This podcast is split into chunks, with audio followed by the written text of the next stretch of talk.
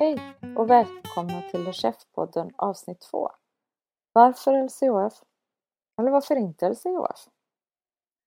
Ja, jag hade några hang-ups i början när jag hörde talas om LCHF. Det ena var ju det här med man kanske inte skulle äta så mycket frukt. Men frukt är ju så fruktansvärt nyttigt. Så tänkte jag, eller hade jag blivit lärd i alla fall. Det andra, kanske lite större egentligen, det är ju det här med kolesterolet. Det är ju farligt med för mycket mättat fett. För då höjs kolesterolet och då får man hjärtinfarkt till exempel. Och sen det tredje, man måste ju ha lite kolhydrater för att hjärnan ska fungera. Och även för att eh, man ska kunna träna. Träna är alltid gillat. Så när jag hörde talas om SCHF första gången, eh, det var min mamma som pratade om Annika Dahlqvist och hennes bok Dr. Dahlqvist, så lät det ju, ju intressant men lite svårt att ta till mig ändå som gammal hemkunskapslärare. Ja, gammal. Jag hade i alla fall läst mycket näringslära och biokemi och fått undervisat barnen i och tänkte att det här, jag vet ju hur det fungerar och vad man ska äta och att frukt till exempel innehåller så mycket C-vitaminer och vitaminer och mineraler i frukt och grönsaker.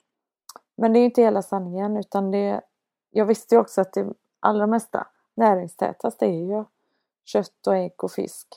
Eh, sen är det ju C-vitamin just som bara finns i frukt och grönt. Men det finns ju grönsaker. Och sen att eh, glukosen behövs till hjärnan. Kroppen bildar ju det själv, fick jag lära mig. Men i alla fall, jag eh, testade sen GI. När GI kom så lät ju det lite bättre ändå. Lite mer vettigt. Ja, man kan äta, man äter lite kolhydrater men de ska vara långsamma. Det stämde ju bra. Eh, med mina tankar och det jag hade lärt mig. Eh, och eh, lite begränsat fett men jag tyckte inte att fettsnålt var något bra eller eh, lightprodukter som man ibland Eh, lyfte fram i GI. Så min variant var igen då med det riktiga fettet. Och gick ju ner ganska bra med det. Och kom väl nära mitt mål.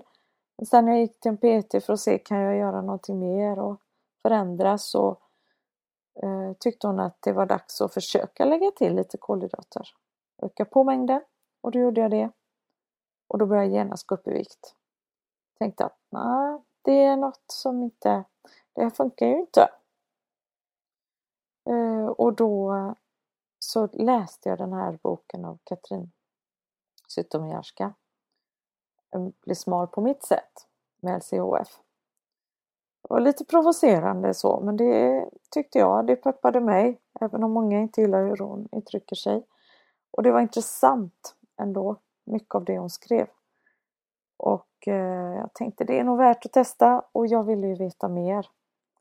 Jag vill alltid gärna veta mer om eh, LCHF.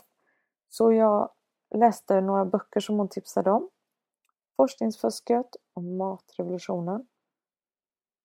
Och då, när jag förstod kopplingen med hur vi har blivit lurade, som forskningsfusket beskriver, hur vi har blivit lurade av läkemedelsindustrin och kostindustrin.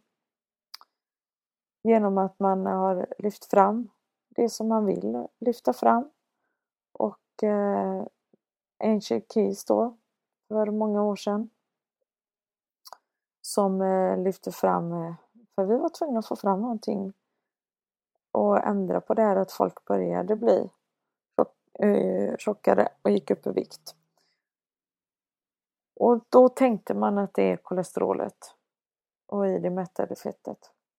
Och från några länder så stämde det, men bara 7 av 20. Men då lyfte man fram dem.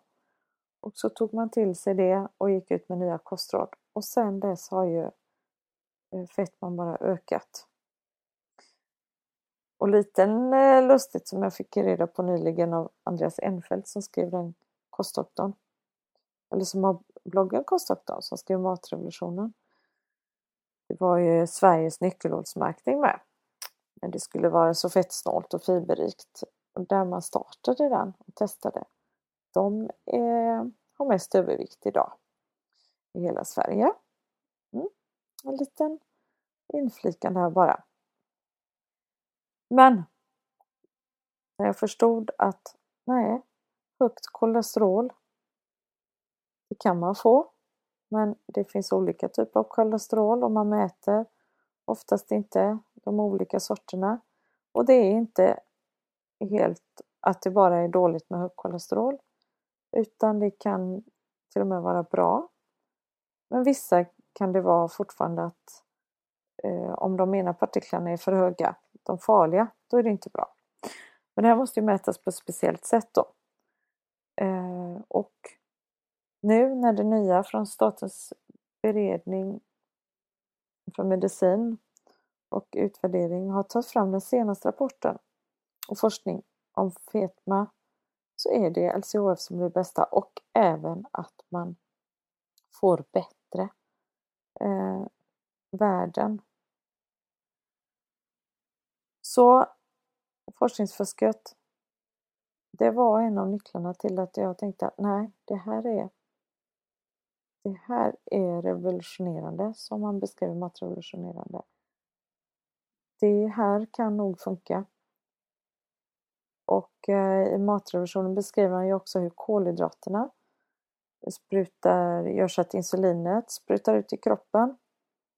Och jag visste ju hur blodsockerkurvan, hur det fungerar, att det går upp och ner och man ska försöka hålla den på en låg nivå.